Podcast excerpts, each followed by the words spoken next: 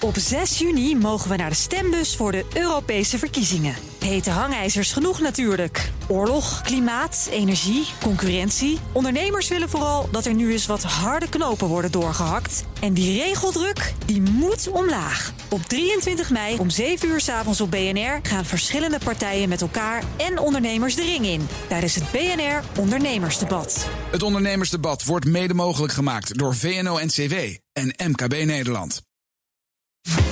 De wereld.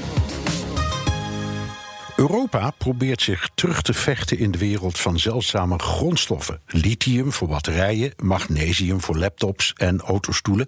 De EU koopt het bijna allemaal in andere landen en daar moet een eind aan komen, vindt de Europese Commissie. Europa-verslaggever Jesse Pinster, hoe afhankelijk zijn we hier in Europa van die metalen? Laten we een paar voorbeelden erbij pakken. Niobium, dat wordt gebruikt in vliegtuigmotoren of pijpleidingen. 85% wat we in Europa nodig hebben, komt uit Brazilië. Magnesium, je noemde het al even, laptops, autostoelen. 93% komt uit China. Boraat, dat is een brandvertrager. 98% uit Turkije. Dus we zijn echt afhankelijk. Er is nu een, een, een, lijst van 30 metalen, dat waren er 27, is iets uitgebreid. En heel veel, ja, dat, wat we in de EU nodig hebben, dat is buiten de EU en ook vaak in handen, dan, weet je, dan is het misschien, komt het uit Australië, maar dan is het weer in handen van Chinese, Japanse, Koreaanse bedrijven. Nou, dat is allemaal een onhoudbare situatie volgens Eurocommissaris Sefcovic. Als we in de toekomst ook nog gewoon gebruik willen maken van telefoons of in een elektrische auto willen stappen. We want to keep benefiting in the long run from modern products, from consumer electronics such as smartphones, TV sets or computer screens or our electric uh, cars or like clear energy equipment, it's quite clear that we have to drastically change our approach to critical raw materials. Ja, en wat is nou eigenlijk dat probleem van die afhankelijkheid? Nou, je kan je voorstellen dat het ineens stopt om politieke redenen of dat het gebruikt wordt als drukmiddel. Maar het kan ook een hele andere oorzaak hebben. Dat hebben we recent nog gezien, dat toeleveringsketens ineens uit elkaar vallen, in elkaar storten door een virus, zoals we bij het coronavirus. Ja, natuurlijk. En plotseling uh, de vervoersmogelijkheden nemen af. Oké, okay.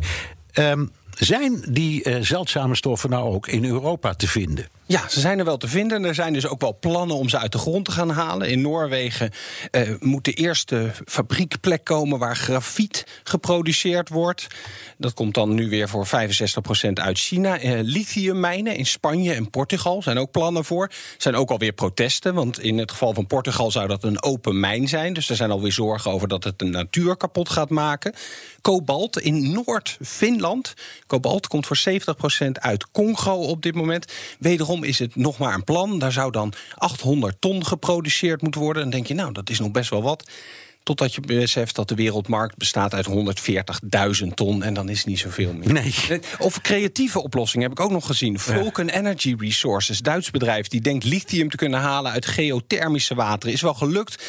Is ook vrij duurzaam, maar lukt nog niet op een grote schaal. Dus ja, lithium in Servië. Misschien dat we daar nog kunnen kijken. Maar dan zijn, is het weer een Brits bedrijf, Australisch bedrijf die het in handen heeft. Welke ideeën over hoe Europa minder afhankelijk kan worden zijn er? Ja, meer investeren. Wie betaald bepaald. Weet je, dus dat kan je natuurlijk ook buiten Europa doen. Meer recyclen, want dan kan je het gewoon nog een keer gebruiken. Maar ja, onder experts is er toch wel ja, twijfel over of Europa zoveel zelf kan produceren of recyclen, zodat ze ook qua prijs misschien in de buurt kunnen komen van waar ze het uh, nu halen. Interessant is wel een punt wat ook vandaag genoemd werd: strategische handelspolitiek. Dat is dat diversificeren van waar je het vandaan haalt. Wat het ook is, is regels opleggen aan anderen. Dus zeggen: het moet duurzaam zijn, het moet sociaal. Het moet niet door kinderen, die kobalt moet niet door kinderen uit de mijnen in eh, Congo gehaald worden. Dus dan leg je als Europa regels op aan anderen, wordt het daar duurder en dan wordt het misschien ook relevant om het hier te produceren tegen een hogere prijs. Kun je het ook niet omdraaien en zeggen dat we eh, gaan zoeken naar methodes om minder afhankelijk te zijn? En het, je zei straks, ja, ze proberen nu dingen uit water te halen. Dat klinkt net alsof het alchemisten zijn. Mm. Zo'n beetje hè, goud zoeken uit iets waar, waar het niet in zit. Mm. Eeuwenlang gebeurt. Maar dit is toch ook een idee? Zeggen we, we maken op de een of andere manier onze afhankelijkheid van die spullen minder.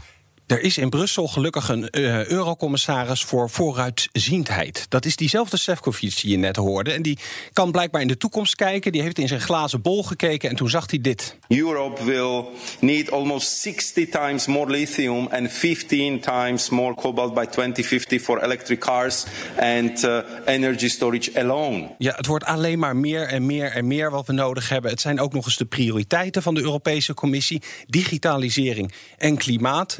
Elektrische auto's kwamen natuurlijk al langs. We hadden het al eventjes over die telefoontjes. Wil je klimaatneutraal zijn zoals Europa wil in 2050, dan heb je deze metalen nodig. Maar ja, de vraag zal blijven: is Europa niet veel te laat nu de markt eigenlijk al in handen is van andere spelers? Maar er is in ieder geval een strategische visie vanuit Brussel nu. Dankjewel, Europa-verslaggever Jesse Pinster. Wil je meer horen over Europese politiek? Luister dan naar de podcast Europa Mania van BNR en het FD. Op 6 juni mogen we naar de stembus voor de Europese verkiezingen. Hete hangijzers genoeg natuurlijk. Oorlog, klimaat, energie, concurrentie. Ondernemers willen vooral dat er nu eens wat harde knopen worden doorgehakt. En die regeldruk, die moet omlaag. Op 23 mei om 7 uur s avonds op BNR gaan verschillende partijen met elkaar en ondernemers de ring in. Tijdens het BNR Ondernemersdebat. Het Ondernemersdebat wordt mede mogelijk gemaakt door VNO-NCW en MKB Nederland.